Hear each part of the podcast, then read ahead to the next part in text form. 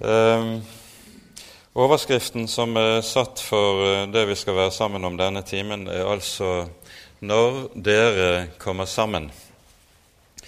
Uh, uh, mange av dere vil uh, da vite at disse ordene er hentet fra 1. Korinterbrev, kapittel 11, i et avsnitt der apostelen underviser om menighetens Eh, felles gudstjeneste. Det er et avsnitt som eh, strekker seg helt fra kapittel 11 og går ut kapittel 14 i første Korinterbrev, og behandler en rekke ulike sider ved menighetens felles gudstjenesteliv, menighetens felles samlinger. Det anvendes et eh, særegent uttrykk i 1. Korinterbrev 11.20 som ikke oversettes eller tas med i en rekke bibeloversettelser.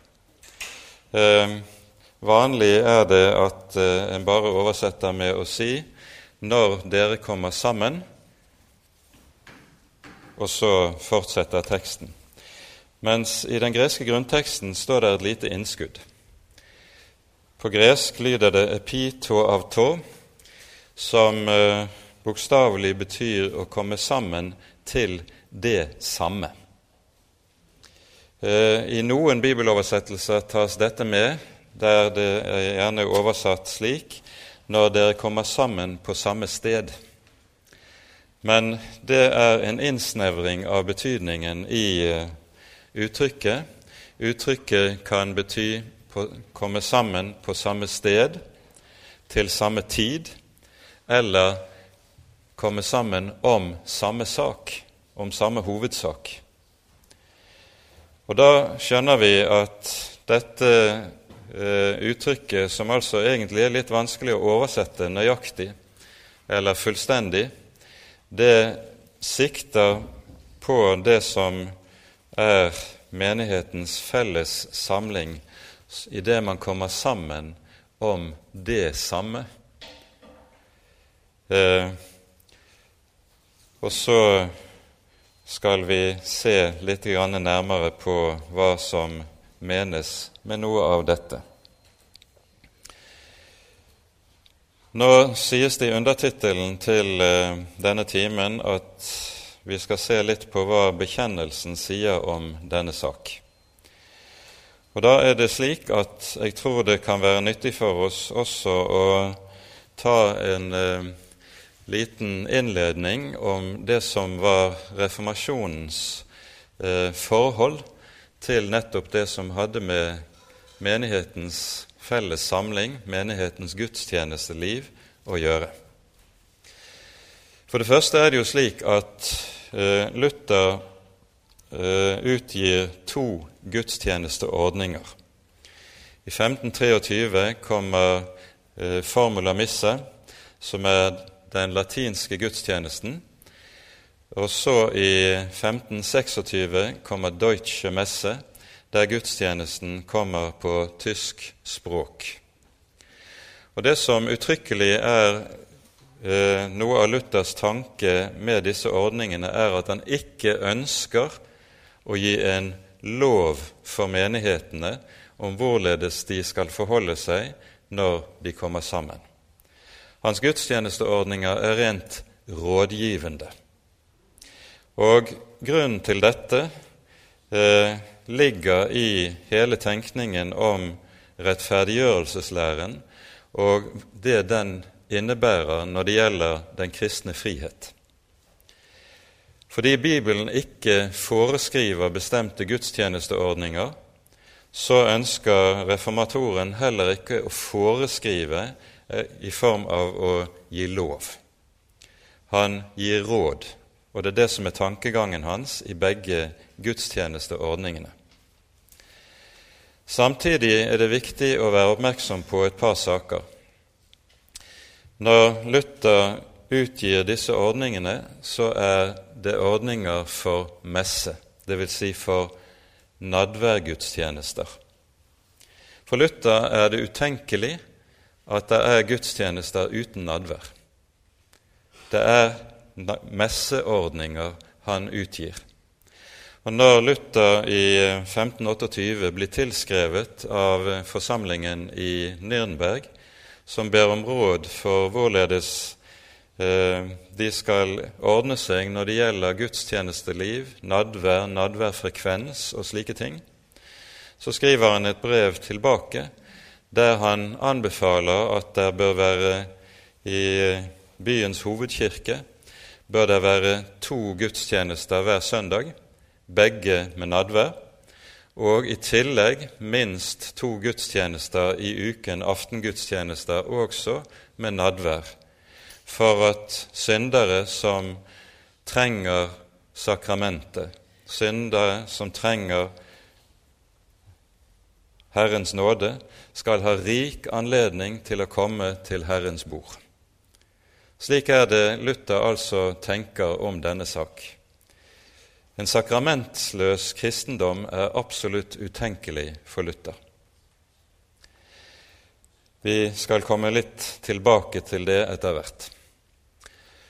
For det andre så er det jo slik at etter riksdagen i Worms Da vil dere huske at eh, Luther blir kidnappet og eh, eh, brakt i sikkerhet på borgen Wartburg der han blir værende utover høsten 1521. Og mens han sitter på Wartburg Han er jo slett ikke arbeidsledig. Han oversetter bl.a. Det nye testamentet i løpet av noen meget hektiske uker her. Så står han også i intens kontakt, brevveksling, med sine venner i Wittenberg, ikke minst Melankton. Og I Luthers fravær er det Karlstad som har overtatt styringen i byen. Og Karlstad er ikke som Luther reformator. Karlstad er revolusjonær. Og eh, gradvis så ønsker Karlstad med ganske radikal hånd å gjennomføre det som han oppfatter som Eh, Luthers reformatoriske tankers konsekvenser. Karlstad blir billedstormer. Ut av Kirken skal alt som heter liturgi, alt som heter kirkekunst, bilder i Kirken, alt som heter presteklær, osv., osv. Og dette eh, fører også til ganske tumultuariske tilstander i Wittenberg, og Luther sitter på Wartburg og oppdager hva som skjer med stigende uro.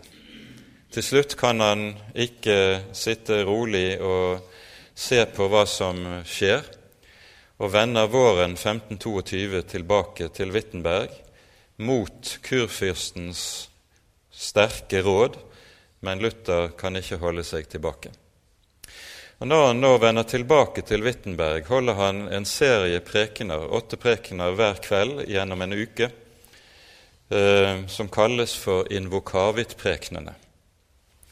Og Disse prekenene de understreker med stor styrke den kristne frihet på dette området. Karlstad mente at skulle, man skulle gjøre rent bord med rom, og det skulle være en lov at alt som het liturgiske ordninger og kirkelige ordninger, måtte forkastes dersom reformasjonsverket ikke skulle stanse på halvveien. Eh, det Luther ønsket, det var å beholde ordningene. Han ønsket å beholde de kirkelige tradisjoner, bare renset for alle de tillegg som var kommet opp gjennom middelalderen og som ikke var i samsvar med Guds ord. Han ønsket ikke revolusjon.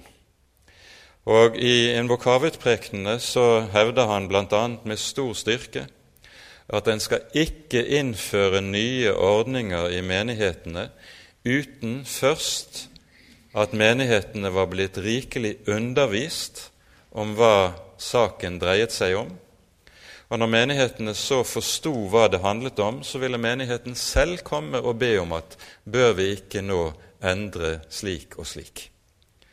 Det å tre endringer som menighetene ikke forstår nedover menighetens hode, det var noe Luther ikke ville vite noe av overhodet. For det innebar å øve vold på samvittighetene, og den slags var ikke i tråd med evangeliet. Dette er en viktig side ved hele reformasjonshistorien som vi bør være oppmerksom på. Og Det at Luther vender tilbake og så å si setter eh, skapet på plass, det fører jo også til et brudd med Karlstad. Karlstad drar fra Wittenberg, meget vred på Luther, og skriver sen senere en rekke skrifter mot Luther, eh, idet han slår lag med svermerne. For Karlstad er dypest sett det som kalles for en svermer. Eh, og svermer er i Luthers tenkning noe som er meget tydelig definert i bekjennelsesskriftene. En svermer er en som setter et skille mellom Ordet og Ånden, og mener at Den hellige ånd formidles uten og uavhengig av Guds ord, og at Den hellige ånd bare hemmes av ytre ordninger i den kristne kirke. Slik tenkte svermerne, og derfor var svermerne revolusjonære i hele sin eh, opptreden, ikke minst når det gjaldt oppgjøret med eh, alt som het kirkelige ordninger. Det som vi her har pekt på rent historisk, det får også et nedslag i den augsburgske bekjennelsen. I artikkel 15 er det tale om nettopp dette. Vi tar oss tid til eh, Det var lagt ut i går eh, hele den augsburgske bekjennelsen bak i eh, seks eh, siders ark. Så jeg håper at alle har, eh, har den. Og Vi leser første delen av artikkel 15, som altså er om kirkeskikkene. Her sies det følgende.: Om kirkeskikkene lærer de at man bør holde på de skikkene som man kan holde på uten synd, og som tjener til ro og god orden i Kirken, som f.eks. visse helligdager, fester og lignende. Når det gjelder slike ting, blir folk likevel påminnet om at samvittigheten ikke skal tynges, som om en slik dyrkelse var nødvendig til frelse. Det vi ser i det som her sies i artikkelen, det er at den kristne frihet understrekes. En ønsker ikke å binde menighetene til faste kir kirkeskikker eh, på den måten at dette skulle være nødvendig til frelse, nødvendig for rettferdiggjørelsens skyld. Men vi legger også merke til de er dog slike som er nyttige i det de kan tjene til ro og god orden i Kirken. Og vi bør også føye til at disse kirkeskikkene er noe som beholdes under reformasjonen av pedagogiske grunner.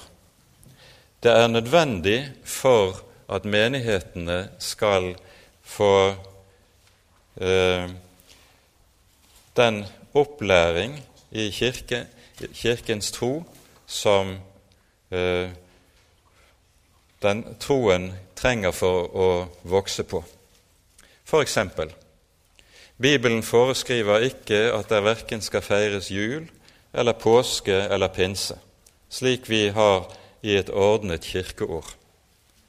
Likevel holder vi på dette som gode skikker, i det kirkeåret med sine tekster hjelper oss til å holde fast på hele Guds råd, slik som apostelen lærer i, eller minner om i avskjedsordene til menigheten i Efesos, som vi hører i eh, apostelgjerningene kapittel 20, der han understreker dette at han har undervist menigheten om hele Guds råd.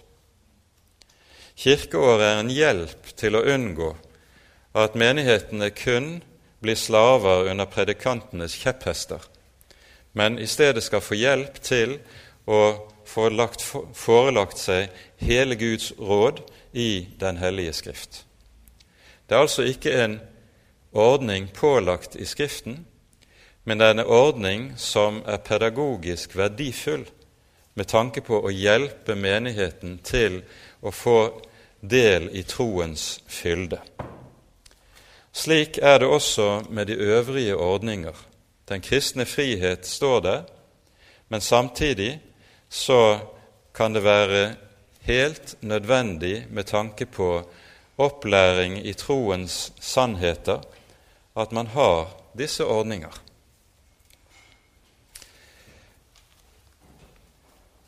Og dermed så ledes vi inn i det som kommer til å bli noe av det bærende i hele reformasjonens tenkning om troen og rettferdiggjørelsen. Det har jo gjerne vært sagt at det som er den artikkel Kirken står og faller med, det er artikkelen om rettferdiggjørelsen. I Augustana er dette formulert eh, meget konsist og meget pregnant i artikkel 4.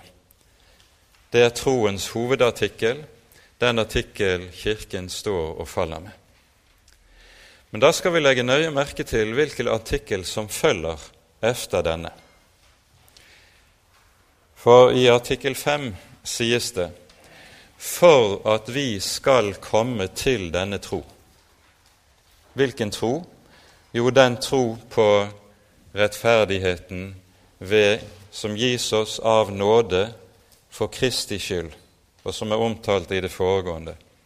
For at vi skal komme til denne tro, er det innstiftet en tjeneste med å lære evangeliet og forvalte sakramentene. For ved ordet og sakramentene som midler blir Den hellige ånd gitt, Han som virker troen hvor og når Gud vil, i dem som hører evangeliet. Her er poenget dette helt avgjørende og grunnleggende.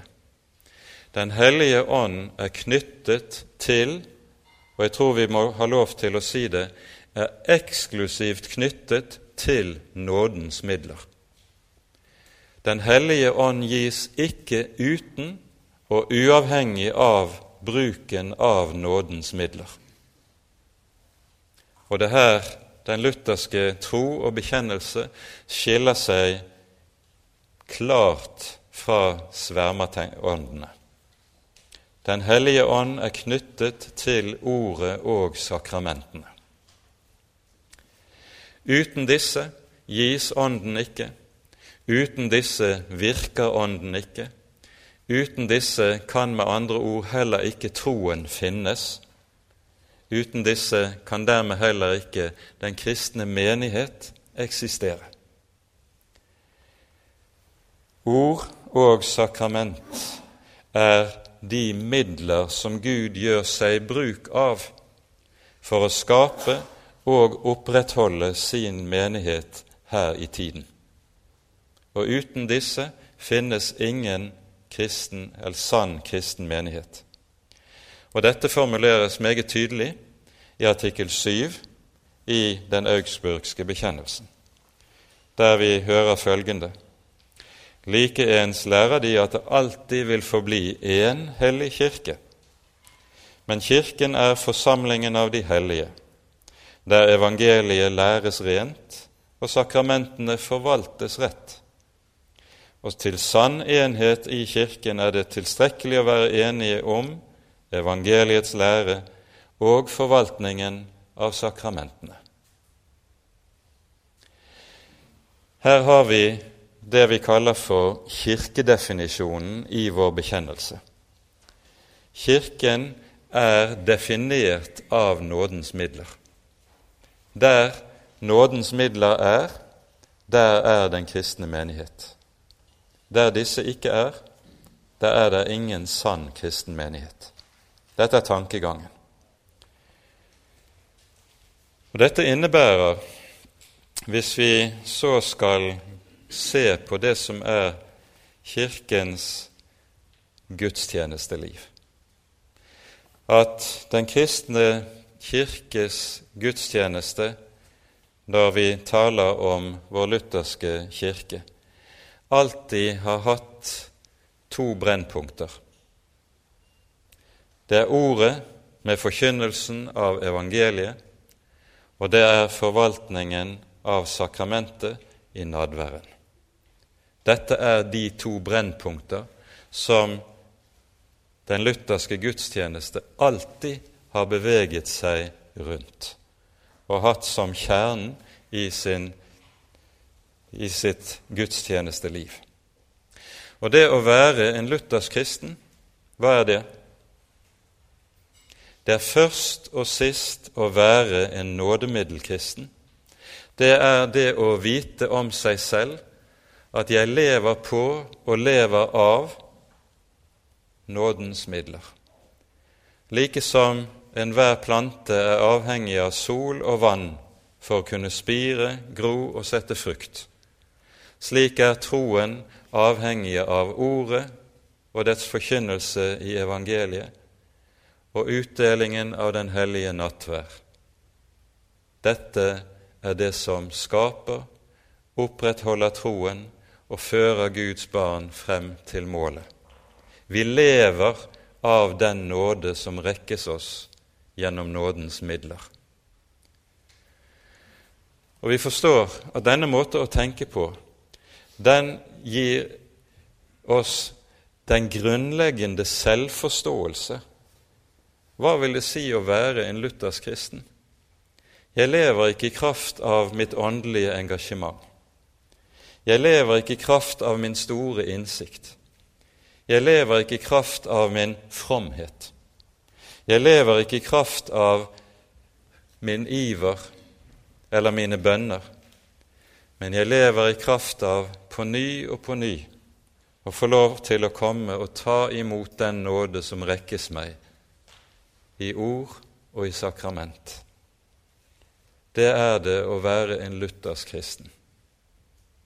Og dette er derfor også det som er det bærende i den lutherske gudstjeneste. Hvordan den nå enn har vært utformet. Den har vært utformet relativt ulikt i de forskjellige lutherske kirker omkring i verden. Men dette er det bærende, uansett om den ytre form har kunnet være relativt forskjellig.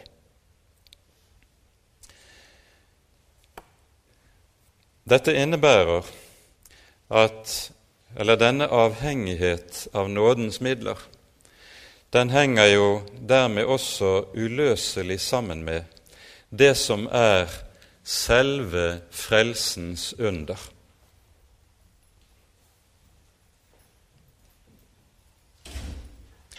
Og frelsens under har det med seg at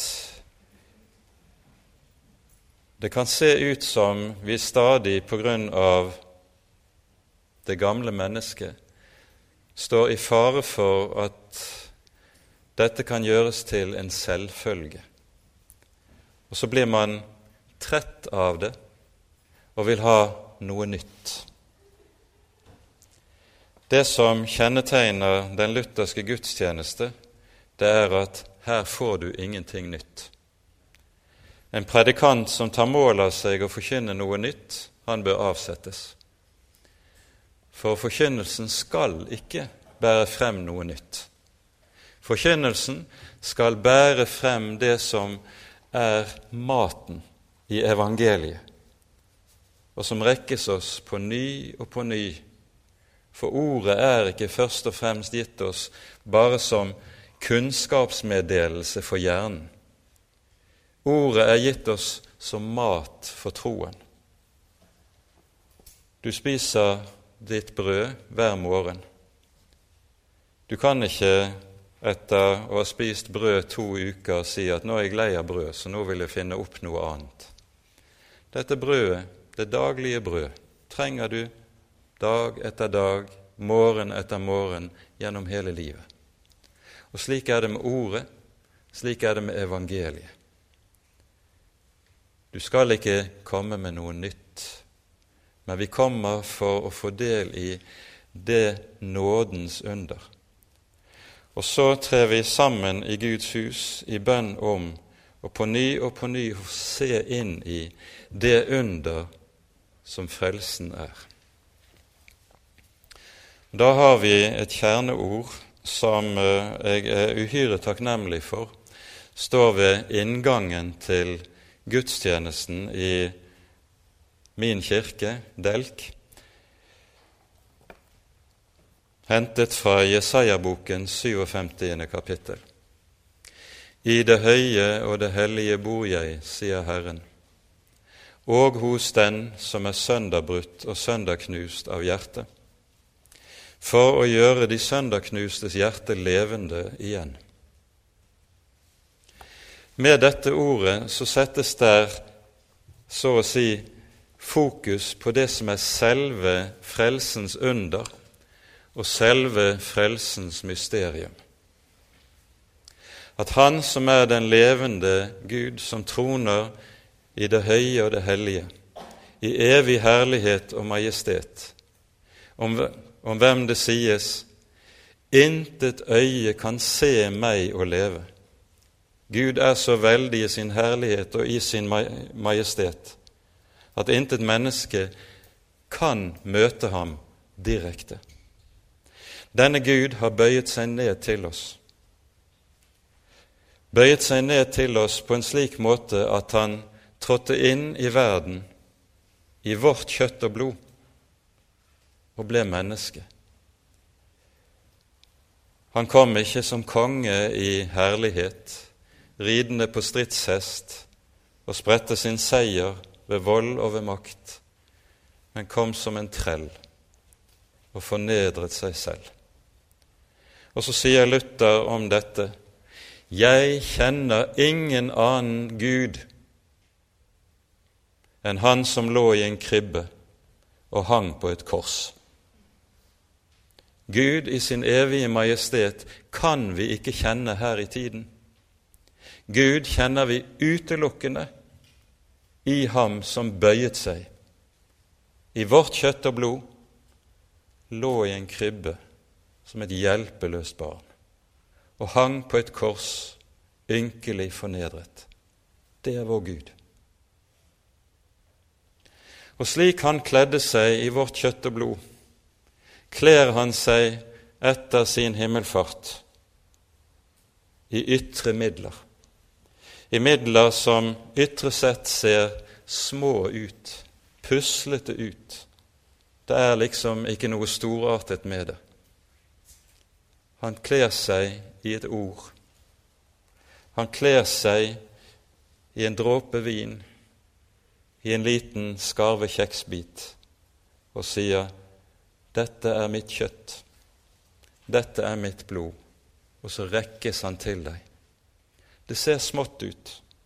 Det ser puslete ut. Men i alt dette er det Han som troner i det høye og det hellige, trer ned på ny og på ny og bøyer seg til oss. For det er gudstjenestens under, like som det er frelsens under. Han bøyer seg til oss. Og det å da søke å sanse seg på hva det egentlig er vi gjør som troende, som menighet, når vi samles i Guds hus. Det er jo nettopp dette da å stanse opp innenfor hva er det egentlig som skjer når vi kommer sammen? Du trer inn i Herrens hus og i gudstjenesten og møter Han, herlighetens Herre, himmelens og jordens skaper, den evige og allmektige, som er en fortærende ild, og som gir seg selv til syndere, gir seg selv i det som ser så hjelpeløst og puslete ut. Derfor lyder det også i Forkynnerens bok i det fjerde kapitlet Vokt din fot når du går til Guds hus. Å gå dit for å høre er bedre enn når dåren bringer offer. Vokt din fot. Hvorfor? Vit hvem du har med å gjøre. Vit hva det er du står overfor og skal få lov til å ta imot når du trer inn der. Slik jeg har sett det, så er eh, ordene i Jesaja-boken 57. kapittel en utleggelse av en tekst i Første Mosebok, der vi hører beretningen om Jakob som er på flukt etter at han har bedratt sin bror Esau for Isaks velsignelse. Vi husker alle den historien. Vi leser fra Første Mosebok 28, kapittel 10. Jakob tok av sted fra Beersheva og ga seg på vei til Karan. Han kom til et sted hvor han ble natten over, for solen var gått ned. Han tok en av steinene der på stedet og la den under hodet, og så la han seg til å sove der. Da hadde han en drøm. Se, en stige var reist på jorden. Toppen nådde til himmelen, og se, Guds engler steg opp og steg ned på den. Og se, Herren sto over den og sa, Jeg er Herren, din far Abrahams Gud og Isaks Gud. Det land du nå ligger i, vil jeg gi deg og din ett din ett skal bli som støvet på jorden, du skal utbre deg mot vest og mot øst og mot nord og mot syd. Og i deg og i din ett skal alle jordens slekter velsignes. Se, jeg er med deg og vil bevare deg hvor du går, og jeg vil føre deg tilbake til dette land, for jeg vil ikke forlate deg før jeg har gjort det jeg har sagt deg. Da Jakob våknet av sin søvn, sa han sannelig, Herren er på dette sted, og jeg visste det ikke, og han ble grepet av frykt og sa, Hvor forferdelig er ikke dette sted? Her er sannelig Guds hus, her er himmelens port. Dette er første gang begrepet Guds hus anvendes i Den hellige Skrift. Og veldig ofte er det slik at når noe i Skriften dukker opp for første gang, da er det liksom lagt selve definisjonen av hva det handler om. Og Her beskrives for oss veldig klart hva som er et sant og rett Guds hus. Hva er det vi møter her? Jakob er på flukt. Han vet nok med pinlig klarhet at når han her er på flukt fordi broren har lagt ham for hat, så er dette selvforskyldt. Han har bedratt sin far. Han har bedratt sin bror, opptrådt med svik og med list. Og så er det selvforskyldt. Han må forlate det eneste sted som er trygt, fars hus, begi seg ut i en fremtid som er absolutt usikker, ingen trygghet lenger. Og så ligger han der alene i mørket. Og så om natten så åpnes himmelen, og så reises stigen. På toppen står den levende Gud og stigen er reist. Og Poenget her er jo det at stigen det er bindeleddet mellom himmel og jord. Himmel og jord knyttes sammen. Den hellige Gud som troner i det høye, knytter seg til en synder som ligger nede i mørket. Og Det underlige med denne teksten er jo at den velsignelse som Jakob søkte å få fra sin far gjennom bedraget, den mottar han nå. Han søkte å få del i Abrahams velsignelse og Abrahams løfte. Nå får han den fra Guds egen munn. Han ligger der skyldig. Han ligger der utstøtt, på flukt. Og så mottar han likevel Herrens løfte og Herrens velsignelse. Ikke på grunn av gjerninger, men fordi Gud er en Gud som står ved sitt ord.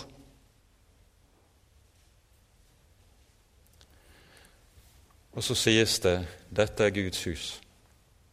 Poenget er et Guds hus er det sted der himmel og jord knyttes sammen, stigen. Et Guds hus er det sted der den levende Gud bøyer seg ned til en synder som ligger i mørket, og gir ham sitt løfte, gir ham sin nåde og tar seg av ham. Det er Guds hus. Og der dette ikke skjer, der har du intet Guds hus. Om du har aldri så flotte katedraler med preste, presteklær og fine messer. Men der dette skjer, der er Guds hus, om det så bare var i en stall. Den stigen som her er reist, som binder himmel og jord sammen, som knytter den hellige Gud sammen med synderen, det er den Herre Jesus. Han er stigen. Slik Johannesevangeliets første kapittel lærer oss det. Og så er Guds hus åpenbaringen av Guds sønn, som nettopp slik steg ned fra det høye og det hellige for å bo hos syndere i det lave. Dette er selve kjernen i det som er og skal være en gudstjeneste, og som er en luthersk gudstjeneste. Det er dette som gis oss i ordets forkynnelse, forkynnelsen av evangeliet. Det er dette som rekkes oss i sakramentet når du går frem og tar imot Herrens legeme og blod. Dette er kjernen. Men denne kjerne er også slik at den er blitt noe som i Kirkens gudstjeneste omkranset av en liturgi. Hva er en liturgi? Det greske ordet for liturgi det betyr folkets tjeneste. Det betyr rett og slett en offentlig tjeneste. Og Det er et ord som anvendes altså hos oss med tanke på den offentlige samling der menigheten kommer sammen til ordnet gudstjeneste. Og den liturgi som den lutherske kirke har holdt på, det er en liturgi som går tilbake til oldkirken. Røttene ligger i synagogens gudstjeneste. Og eh, først og fremst handler det da om ordets del i gudstjenesten, som går tilbake til synagogens gudstjeneste. Det nye med den kristne gudstjeneste i forhold til synagogens gudstjeneste er nadværen. Noe sånt hadde man ikke i synagogen. Det blir en nyhet. Og den liturgi som eh, etter hvert formes rundt nadværfeiringen, det er en liturgi som blir gradvis en gradvis modifisering av ordningen rundt påskemåltidet, der Jesus jo innstiftet den hellige nattverd. Dette er så å si røttene. Og historisk er det vanskelig å følge utviklingen her nøyaktig. Man vet en god del, Men slik vår gudstjenesteordning er, så kan den spores tilbake til eh, i hvert fall til eh, andre århundre etter Kristus. Hvorfor har vi en ordnet gudstjeneste med en liturgi? Hva er årsaken til det? Årsaken Det er flere årsaker til det, men, og vi skal peke på noen fundamentale hovedsaker her. Man har fra gammelt av sagt at Kirkens gudstjeneste er das gebetete dogma, altså det som vi tror, det er det som vi ber. Troens lov er bønnens lov, hvilket innebærer helt konkret at det som er selve de grunnleggende pilarer i vår tro og bekjennelse, det er det som i liturgien kommer til uttrykk i bønner, i salmer, i menighetens svar når når vi går gjennom liturgien. Det som vi tror, det er slik vi ber. Og Akkurat dette, denne grunnleggende tesen er ganske viktig å være oppmerksom på. For den innebærer en rekke hovedsannheter. For det første vil det være slik at når menigheten kommer sammen, så vil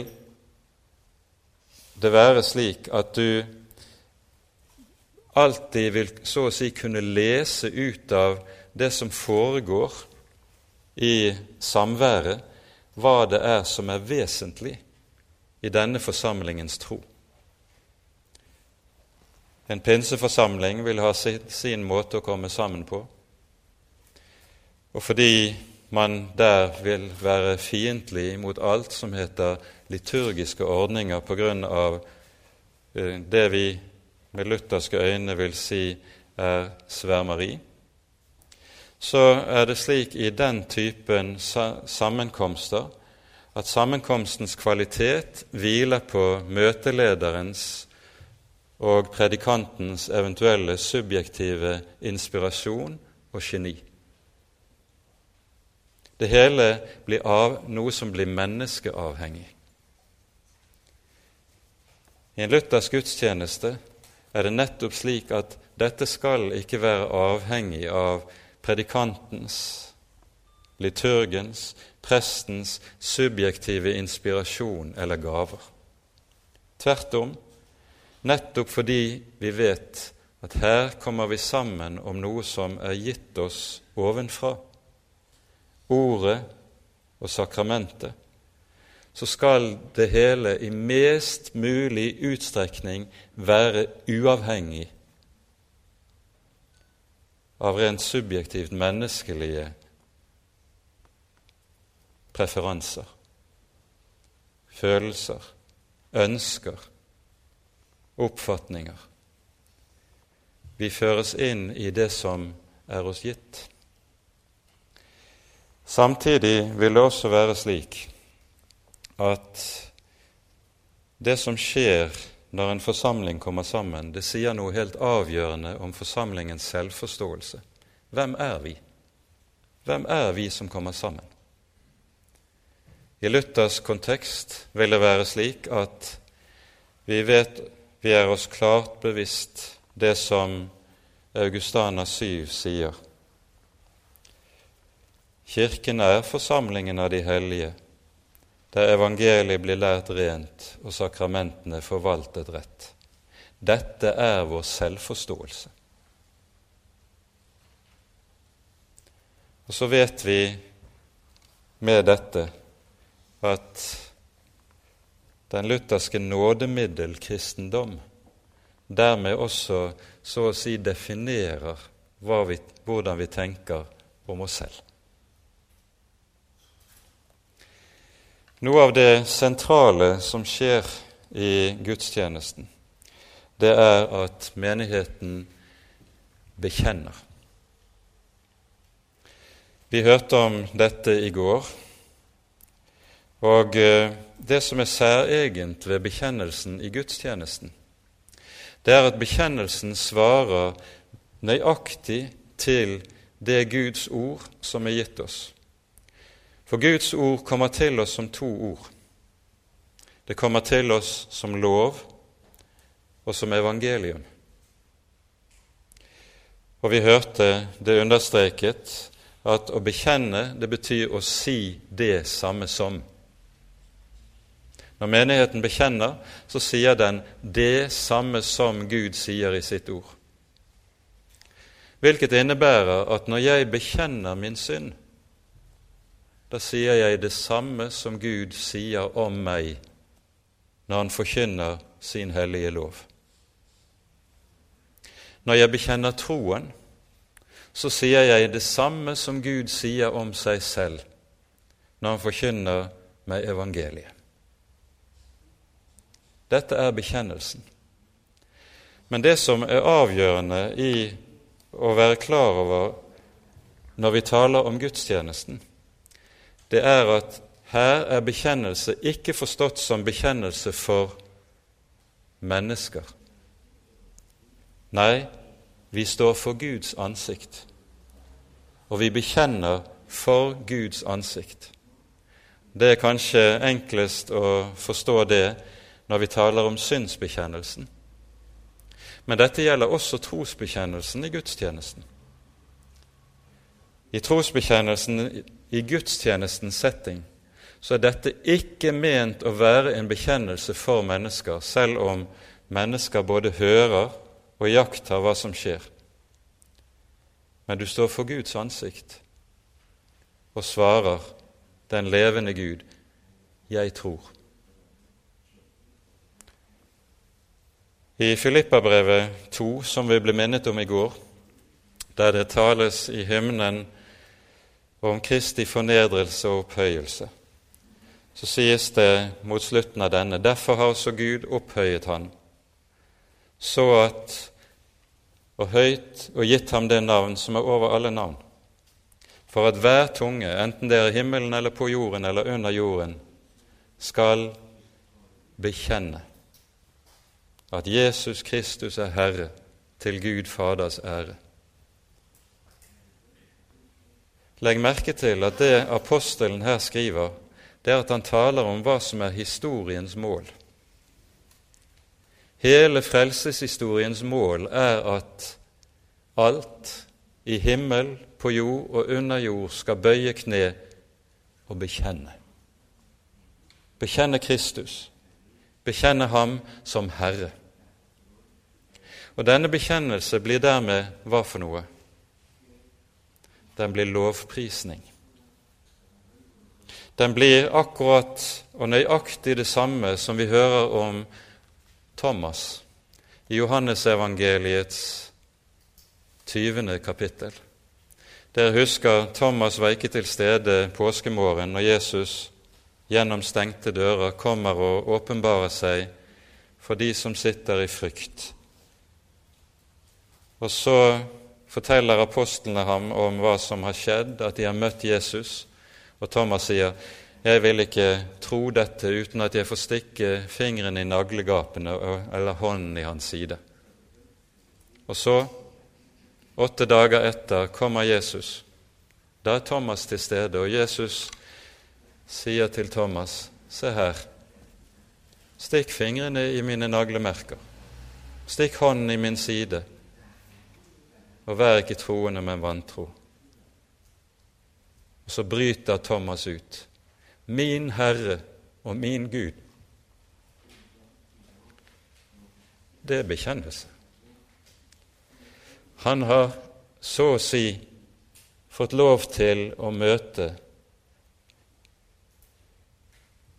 Ja, ikke bare så å si, men fysisk fått møte den korsfestede og oppstandende så bryter han ut.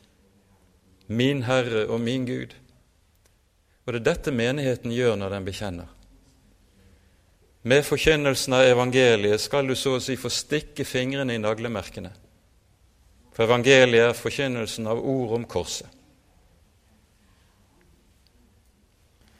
Du skal så å si få rekke ut hånden i hans side der det rant ut blod, og ta imot hans legeme og hans blod i nadværen. Og så bekjenner vi sammen min Herre og min Gud.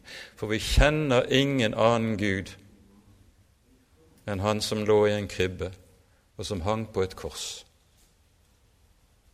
Dette er menighetens bekjennelse. Og så samles menigheten. Vi bøyer kne. Vi ber. Vi lovpriser. Vi takker for det under Herren har gitt oss, når Han på ny og på ny kommer og åpenbarer seg for oss, rekker oss evangeliet og skjenker oss nådens midler. Det er en luthersk gudstjeneste.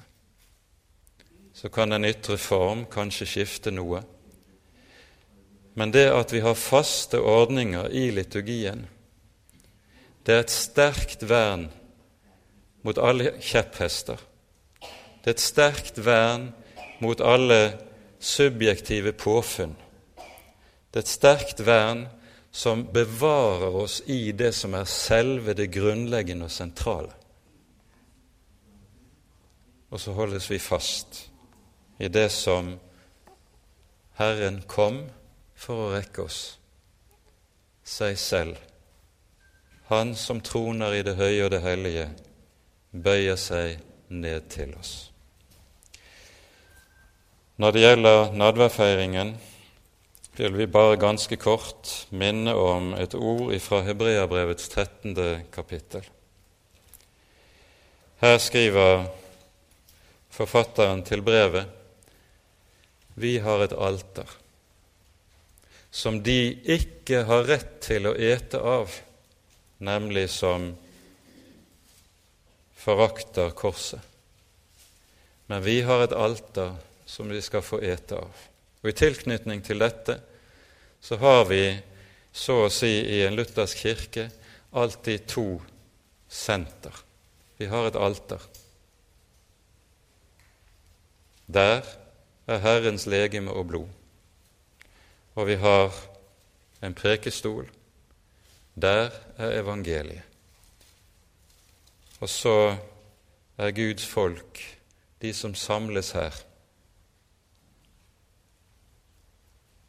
og få lov til å stikke fingrene i naglemerkene og rekke hånden i hans side og ta imot. Og så lever vi av dette som vi på ny og på ny skal få lov til å samles om og glede oss over. Og så er det dette Guds folk stadig skal be sin Herre og sin Gud om. Bevar evangeliet rent og klart iblant oss, for at når vi kommer sammen, at vi må få leve at vi må få det vi trenger for å leve. For uten det vil ikke én eneste av oss nå målet.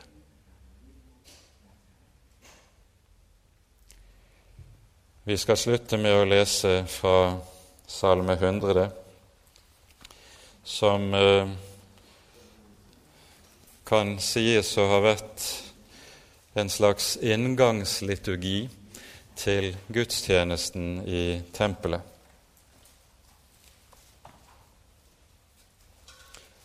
Og vi kan med full rett lese dette som også en inngangsliturgi, en inngangssang, lovsang og bønn når det gjelder vår gudstjeneste. En salme til lovprisning. Rop med fryd for Herren, all jorden. Tjen Herren med glede. Kom frem for Hans åsyn med jubel. Disse ordene har jo i Den norske kirke vært anvendt som utgangsord når menigheten går ut av kirken. Tjen Herren med glede. Men her er det bibelske poenget det er at det er dette som skjer når man går inn i Guds hus. Tjen Herren med glede. Kom frem for Hans åsyn med jubel. Kjenn at Herren er Gud. Han har skapt oss, og ikke vi selv, til sitt folk og til den jord han før. Ja, han før oss. Han har skapt oss. Han har ved sin nåde gjort alt som er nødvendig til frelse. Kjenn at Herren er Gud. Han har skapt oss, ikke vi selv, til sitt folk og til den jord han før. Når det står 'tjen Herren med glede', så er det her tale om den glede som springer ut av at du har fått se evangeliet. Da ble apostlene glade da de så Herren, sies det, på påskemorgen. Og det er denne glede det taler om her. Og det er den gleden som så å si skal være det bærende i den rette og sanne gudstjeneste. Ære være Faderen og Sønnen og Den hellige ånd, som var og er og være skal en sann Gud, høylovet i evighet. Amen.